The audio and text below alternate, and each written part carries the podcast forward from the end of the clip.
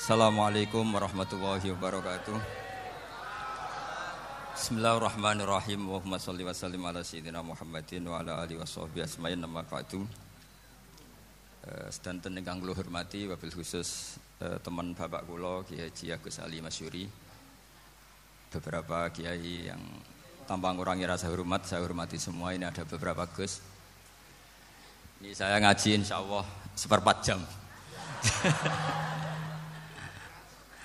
Eh, seperempat jam nanti yang menghisap Gus Kausar berapa Gus? 10 menit. 10 menit. Eh, begini, sebetulnya saya membela semua umat Islam itu ahlul jannah. Karena saya ini ibarat marketing. Kalau orang Kristiani itu kan setiap orang mati sudah tenang bersama Bapak di surga. Jadi kampanye itu menarik sekali. Sementara kita sudah kiai, sudah imam masjid, sudah ulama, masih saja dikhawatirkan suul khotimah. Ini kalau kampanye ini tidak imbang, ini nanti saya takut kalah. Makanya saya bilang pokoknya semua orang mukmin itu ahlul jannah. Karena memang asli asli hadisnya seperti itu, mangkola la ilaha illallah. Bahwa kemudian ada beberapa kiai yang mungkin wataknya itu pesimis, kemudian bikin sekian aturan-aturan yang sebetulnya itu cerminan dari pesimisnya. Terus akan-akan masuk surga itu susahnya bukan main. Nah itu saya tidak setuju karena tadi pasti kalah dengan kampanye sebelah yang setiap orang mati dibilang sudah tenang bersama bapak apa di surga. Jadi ini penting. Terus kedua saya bilang agama ini sudah begitu baik. Masa kunci surga sudah dibocorkan miftahul jannah la ilaha illallah. Masa sudah pegang kuncinya nggak jadi masuk surga itu kan aneh. Ya sudah masuk saja, tapi tidak usah minta bantuan saya, masuk aja. Kan sudah pegang kuncinya. Terus ketiga, kenangan terburuk saya ketika jadi kiai itu gini, saya ada beberapa guru SD datang ke saya. Ini agak-agak masalah besar. Gus boleh enggak buka ujian nasional yang masih disegel? Semua guru bilang enggak boleh itu kriminal kan. Ada satu guru yang bikin analogi agak kacau. Boleh saja. Wong ujian di kuburan saja dibocorkan para kiai nggak apa-apa. Itu.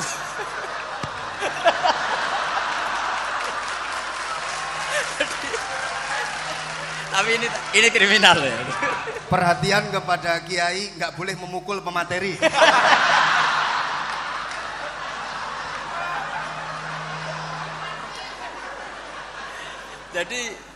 tentu itu analogi yang salah kan? Marrobuka kan? Tuhan kamu siapa nabi kamu? Tuhan kamu siapa nabi kamu siapa imam kamu siapa? Ini kan sudah dibocorkan oleh para kiai. Artinya apa? Nak raiso jawab kebablasan gitu. Terus guru ini berpikir kalau ujian akhirat sekrusial itu saja bisa dibocorkan kenapa ujian nasional tidak boleh? Tentu ini kias yang salah saya tidak ngajari seperti itu tapi saya ngajari ke kalian betapa mudahnya masuk surga. Kunci jawaban sudah dikasih, kunci pintu masuk sudah dikasih. Kok sampai tidak masuk ini kebablasan. Paling salah gurunya. Jadi ini kenapa saya sering cerita orang mukmin semuanya itu min ahli jannah. Itu saya jamin. Sama tidak usah takut suul khotimah, tidak usah takut berlebihan seperti itu. Karena setahu saya, setidaknya saya mewakili ulama zaman ini Rata-rata guru kita ini bermadhab sadili dalam berkeyakinan berpikir tentang Allah. Di antara ini yang mulai saya ngomong serius supaya tadi kan guyonannya sudah diambil Gus Reza sama Gus Kausar. Saya tahu kenapa mereka guyon. Kalau ngomong serius takut kalah sama saya.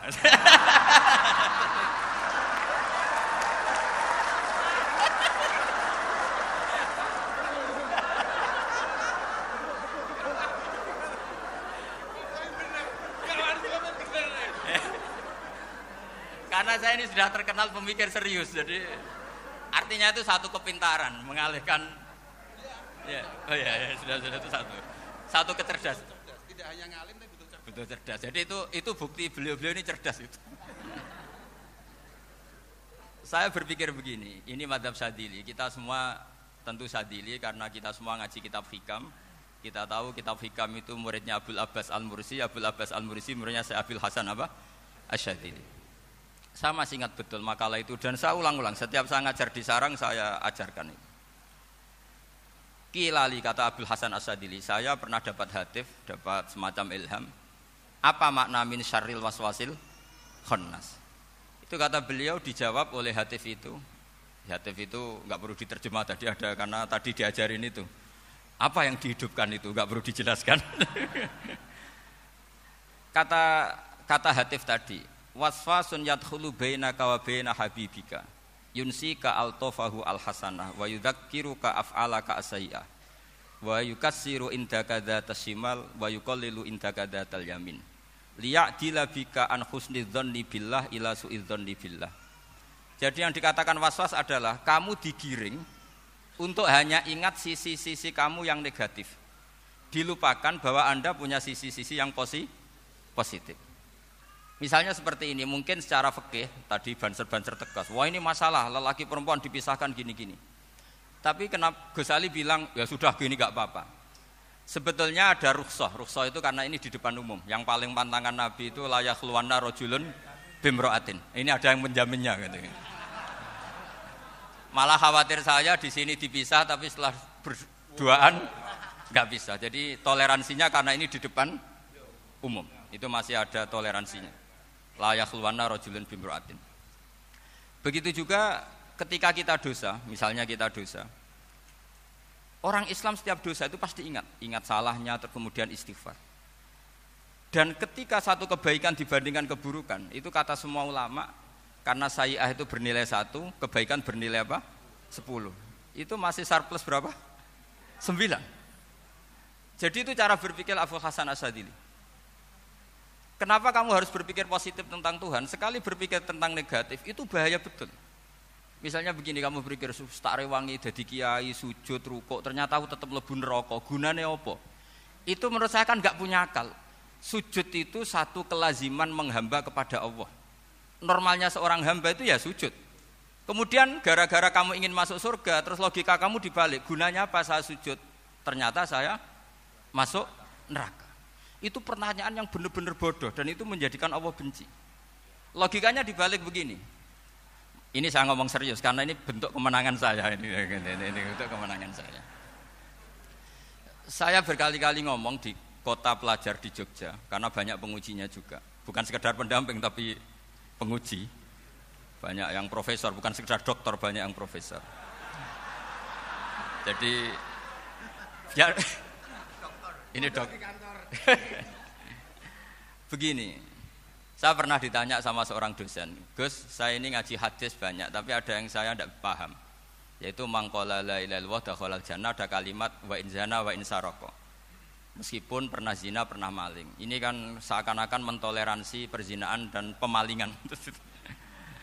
Terus saya bilang, oh makna hadis itu seperti ini. Jadi kebenaran absolut, kebenaran yang mutlak itu tidak akan terganggu oleh status perilaku seseorang. Saya berkali-kali memberi contoh. Orang yang ditangkap KPK akan bilang satu tambah satu dua. KPK-nya juga bilang dua.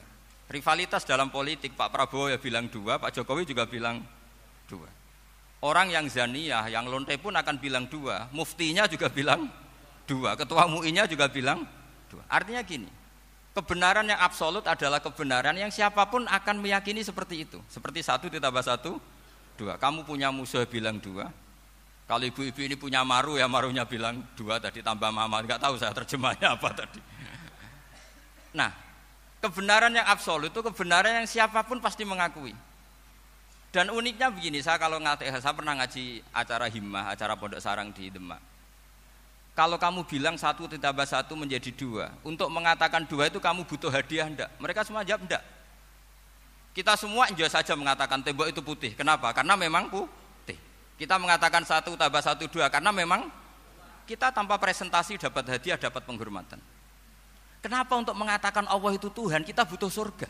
Memangnya kalau tidak ada surga Allah tidak jadi Tuhan? Ini problem orang soleh-soleh yang terlalu pesimis. Makanya nanti orang-orang soleh itu masuk surganya berat. Tapi kalau orang alim lebih gampang kira-kira seperti itu. Iya karena kan imannya lebih bagus. Dalam hadis kudsi Allah ini yang dibuli orang-orang soleh. Laulam akhluk jannatan wala naron alam akun ahlan an utoa dalam hadis kudsi itu. Kalau saja saya tidak menciptakan surga dan neraka, apa saya tidak jadi Tuhan yang perlu ditaati? Apa kalau kamu tak tidak saya kasih uang satu juta terus bilang satu tambah satu sebelas? Enggak kan? Tetap bilang berapa? Dua. Kalau kebenaran absolut yang satu tambah satu kamu bilang dua meskipun tanpa mendapat hadi, hadiah. Kenapa untuk bilang Allah Tuhan kamu butuh hadiah surga? Itu kan serah ikhlas belas. Makanya saya terus mengajarkan ikhlas. Ikhlas itu bisa dilatih dengan akal, dengan pikiran, bil ilmi lah. Harus dilatih. Nah di sini ini momen atau makna yang mestinya harus difahami wa inzana bahwa kalimat ini sah meskipun dilafatkan seorang yang pernah zina. Sama seperti satu tambah satu dua sah diucapkan siapa saja sah. Dan siapa pun akan mengucapkan itu secara ikh, ikhlas. Ini penting saya utarakan. Sehingga setelah ada firqah-firqah takfiri yang mengatakan orang megang keris itu syirik, kekuburan syirik, ini ini syirik. Itu salah besar. Salahnya adalah tadi kalimat-kalimat atau kebenaran-kebenaran absolut ini sudah jadi man ahsanu minallahi Kalimat ini begitu absolut di hatinya orang mukmin. Sehingga ketika terganggu oleh hal-hal yang adat istiadat kayak pegang keris, kayak apa, ini tidak mengganggu. Tetap kualitas iman ini di atas keyakinan adat membawa apa ker? Kalau orang membawa keris menjadi syirik karena percaya sama makhluk. Orang misalnya kejawen kalau nggak bawa keris nggak nyaman. Orang kota itu kalau nggak bawa ATM juga nggak nyaman. Itu tidak dihukumi syirik. Kamu pergi lupa bawa HP nyaman ndak? Ndak kenapa ndak dihukumi syirik?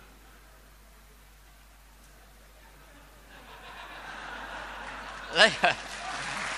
Jadi ini logika-logika. Jadi makanya ini Gus Reza boleh ngeritik saya. Saya itu berkali-kali bilang, saya termasuk ulama yang mau bikin gerakan cangkem elek. Karena nanti kalau saya nisbatkan ke Rasulullah itu tidak pantas karena Nabi ahsanan nasi kholkau wa Tapi saya siap jadi bempernya Rasulullah Shallallahu Alaihi Wasallam. Pernah ada diskusi di Jakarta ini kisah nyata. Apa dalilnya setelah sholat salaman? Mana hadisnya? Itu dijawab hadisnya tentu kita kesulitan. Kalaupun ada hadisnya doif semua yang masalah musafahah. Akhirnya mau tidak mau dijawab pakai cangkem melek. Boleh nggak kamu setelah salam nyalain HP yang off? Boleh. Boleh nggak ke kamar mandi? Boleh. Oh berarti kencing boleh, nyalain HP boleh, yang nggak boleh itu ingat Allah. Karena mereka mengkritik wiridan, kritik salah, salam. Akhirnya mikir deh. Ada nggak hadisnya orang setelah sholat nyalain HP? Nggak ada kan? Tapi mereka nyalain HP nggak hambatan, tapi untuk salaman masalah kan ke kamar mandi boleh tapi untuk wiridan ndak ndak boleh akhirnya mereka sadar oh iya lama-lama dibisi gini yang kelompok itu. Kamu itu korban aliran supaya kamu gak ingat Allah ingatnya HP-nya sehingga orang wiridan kamu kritik orang nyalain HP ndak kamu kritik. Itu kelompok itu adalah kelompok orang-orang yang supaya orang Islam itu lupa Tuhannya. Itu gerakan cangkem melek tapi jadikan orang sadar. Jadi ini penting. Jadi kalau kamu tidak bisa bela agama dengan jalan yang lurus karena tidak bakat gitu. Gak apa-apa pakai cangkap melek tadi karena nggak mungkin gerakan ini dinisbatkan kepada Rasulullah Shallallahu Alaihi Wasallam. Kalau soal sanat saya punya sekian sanat tentang itu, tapi tidak usah kamu ikuti. Ada orang tanya, ya Pak Kiai kalau oh, setan dibakar di neraka panasan enggak? Ya panasan. Lo kan setan dari api, ngapain harus panasan? Kan materinya sama. Terus Kak Kiai tadi gak kesulitan, dia ngambil pasir, disawur di wajahnya. Wah sakit Kiai, kamu kan dari tanah, kena tanah kok. Jadi itu ada sekian artinya gini ya, kalau kesulitan jawab pakai baik-baik ya ya sudah pakai cangkem melek itu aja karena. Nah, tapi tentu kan gerakan ini tidak mungkin dinisbatkan kepada para nabi. Tapi saya pastikan meskipun nggak bisa dinisbatkan kepada para nabi dari segi cangkem melek tadi, tapi secara semangat itu sama. Saya punya sekian contoh. Benar Gus Rizal tadi gojok saya. Saya sengawur-ngawurnya itu masih punya sana. itu pas saya ngawur pun masih punya apa? Sana. Nabi Ibrahim itu ketika faja'alahum dan illa kabiralahum itu si berhala paling besar dikasih kapak. Ketika mereka geger, ini siapa yang memecahkan berhala-berhala kecil? Kata mereka, sami'na fatayat kuruhum lahu Ibrahim. Ya kira-kira Ibrahim lagi.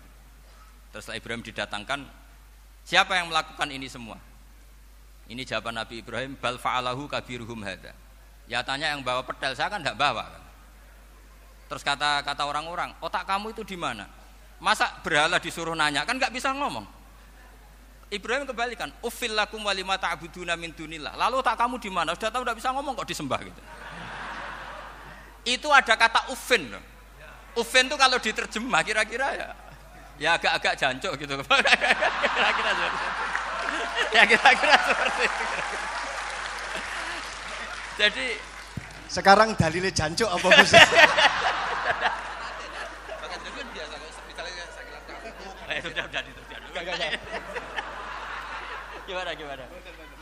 jancuk itu dari dak su. Dak tinggalkanlah suan perkara sing elek. Krono ilate wong Surabaya kakean rawon akhirnya ngomongnya jancuk. Gitu.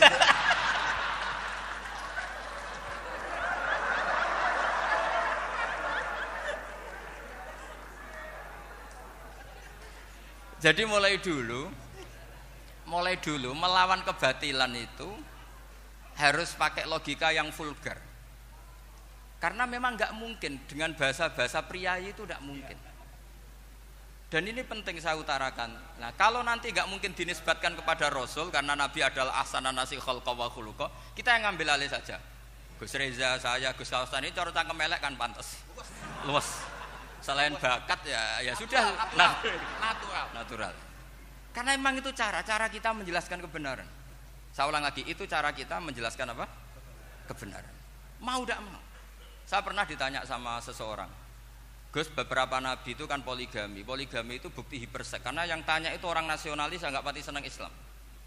Terus tak balik tanya, perempuan itu makhluk lemah ndak? Ya lemah. Kalau nolong lama satu itu gimana? Ya baik. Kenapa nolong dua jadi tidak baik? Harusnya kalau nolong tiga tidak baik. Tapi saya tidak dukung poligami. Nah, ini cerita saya. Setidaknya mereka jadi ingat. Saya itu pernah ditanya agak-agak orang ateis. Dia benci Islam tapi neliti Islam. Pertanyaan kedua, Kenapa dalam perang itu seakan-akan Nabi itu perampok, hartanya orang kafir disita kemudian menjadi goni, ghanimah. Itu kan kayak ngerampok. Terus saya tanya gini, kalau ada penjahat ke rumah kamu kemudian pakai senjata api, setelah kamu ringkus, itu senjata api kamu kembalikan apa kamu sita? Oh ya saya sita, kalau tak kembalikan dipakai ngerampok lagi. Ya sama seperti itu, kalau kekuatan mereka dikembalikan akan dipakai kekuatan mereka lagi. Jadi ya lagi-lagi ini kemenangan orang serius. Karena nanti guyonnya sudah dintekno sama Gus Safa sama Gus Riza. Nah, kenapa saya ngajar begitu rileks, begitu santai? Karena pikiran saya sederhana. Fa innal uqula ila qabilil haq. Akal sehat pasti dipaksa menerima apa? Kebenaran. Sehingga kebenaran itu tidak usah kamu ngomongkan secara serius, secara tidak perlu. Kebenaran itu mudah diterima. Saya itu pernah ngaji berkali-kali di Jogja di mana-mana sampai ada buku uh, seorang dokter nulis tesisnya itu bangga lagi menjadi muslim setelah ngaji saya itu karena saya menerangkan itu ringan orang Islam itu harus mencintai Allah. Ciri utama cinta itu tidak tegang rileks. Saya bilang begini kalau kamu pernah satu tahun digratisi orang rumah makanan kamu kira-kira itu mudah nggak mencintai orang yang berjasa sama kamu minjemin rumah dan kasih makan gratis? Mudah kan? Apalagi kita. Kita ini mudah mencintai orang yang minjemin mobil satu tahun ngasih rumah satu tahun apalagi selamanya. Kenapa kita tidak mudah mencintai Allah yang memberi kita bumi, air, oksigen, semuanya kita dikasih Allah. Akhirnya mereka mikir, Wong mencintai seseorang yang ngasih dalam durasi satu tahun saja mudah, apalagi mencintai Allah yang ngasih kita tanpa batas.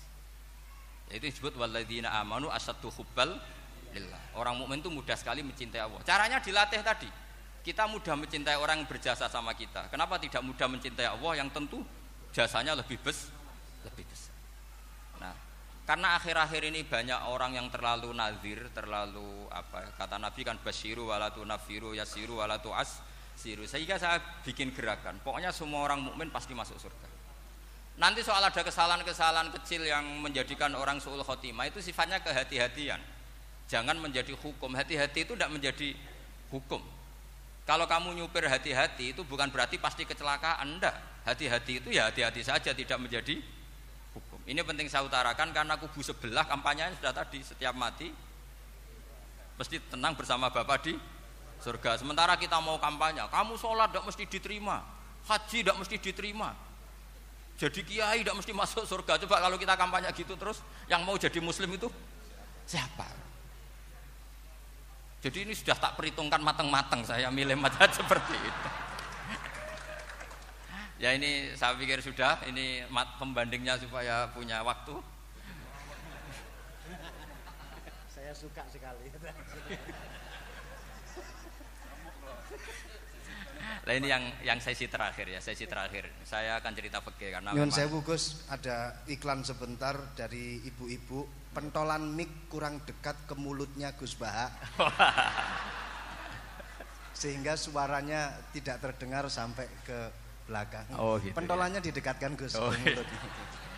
Ini kalau ngomong konotasinya itu mesti nyerempet. Sudah apa ya? Sudah ahlinya di situ. ya malah ada di situ.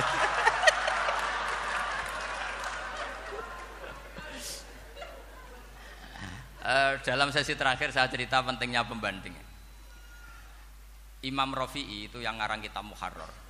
Kitab Muharrar ini adalah ringkasan dari kitab Al-Wasid. Al-Wasid itu karangannya Imam Ghazali.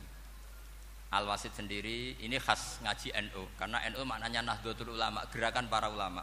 Jadi kalau nggak ngerti alim-alim seperti itu ya ada NU. Sebenarnya sampai itu pasnya Nahdlatul Ummah, gerakan umat. Tapi kan sudah jadi partai politik Nahdlatul Ummah. Karena yang katakan NU itu Nahdlatul Ulama, gerakannya para ulama. Imam Rafi'i itu berpendapat sujud itu cukup pakai baduk, pakai jidat. Itu dalam kitab Muharrar. Wal asoh anna sujud yasihu mau cukup biwat iljabah ketika Imam Nawawi mentaseh kitab Muharrar namanya Minhajut Talibin itu mengkritik Imam Rafi'i kata beliau sujud itu untuk sah harus melibatkan tujuh anggo, anggota karena berdasar hadis umirtu an asyuda ala sapati zumin yaitu al jabhah wal yaden warubaten wal kodamen yaitu jabhah dua tangan dua lutut dan dua kodamen akhirnya saya ngecek di kitab asli Imam Rafi'i termasuk Ashabut Tarjeh dan Imam Nawawi. Dua orang ini khilaf. Kan nggak mungkin kita sebagai musohehnya karena yang khilaf ini dua ulama besar, satu Imam Rafi'i, satu Imam siapa? Nawawi. Kita tidak bisa hanya ngikuti Fathul Mu'in yang mengatakan idah talafan Nawawi war Rafi'u kudiman Nawawi tidak bisa karena Imam Nawawi ini sering nginduk sama kitabnya Imam Rafi'i karena senior Imam Rafi'i. Setelah saya cek di kitab Om, kitab asli Mamba ya, satu sumbernya semua madzhab apa? Syafi'i. Ternyata Imam Syafi'i nak ngedikan hanya begini. Wa uhibbu, saya suka setiap orang Islam sujud itu melibatkan tujuh anggota karena itu aman, pasti sah. Tapi wayah tamilu kata beliau, tapi mungkin saja sujud hanya watul jabah itu sah. Kenapa kata Imam Syafi'i? Liqaulihi sallallahu alaihi wasallam atau li du'aihi apa sallallahu alaihi wasallam fi sujud sajadalaka wajhi wa sam'i wa basori. Nabi ketika sujud itu hanya ngat berdoa ya Allah sujud kepada engkau wajhi wasam'i wabasori Nabi tidak menyebut wayadi warubati wakodam sehingga saya berkali-kali benar kata Gus saya ini pembela umat. Sing sujudnya pitung anggota ya tak lem pantas jadi rois suryah.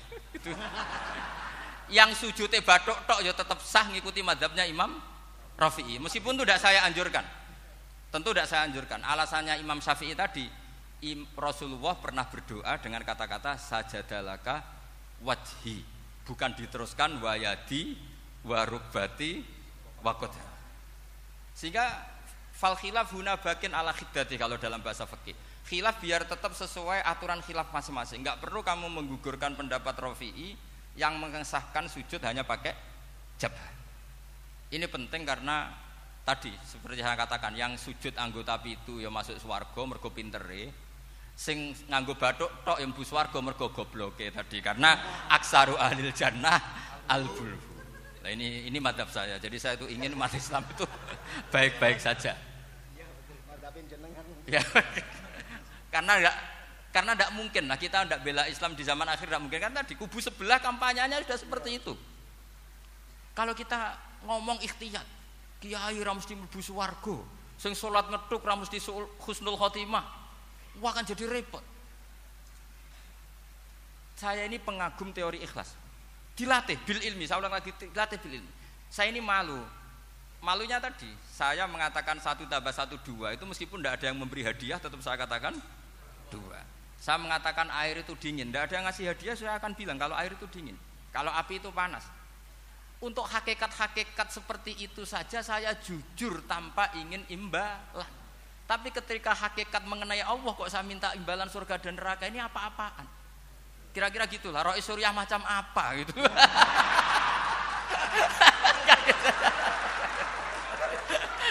ya saya kira demikian. Assalamualaikum warahmatullahi wabarakatuh. Waalaikumsalam warahmatullahi wabarakatuh.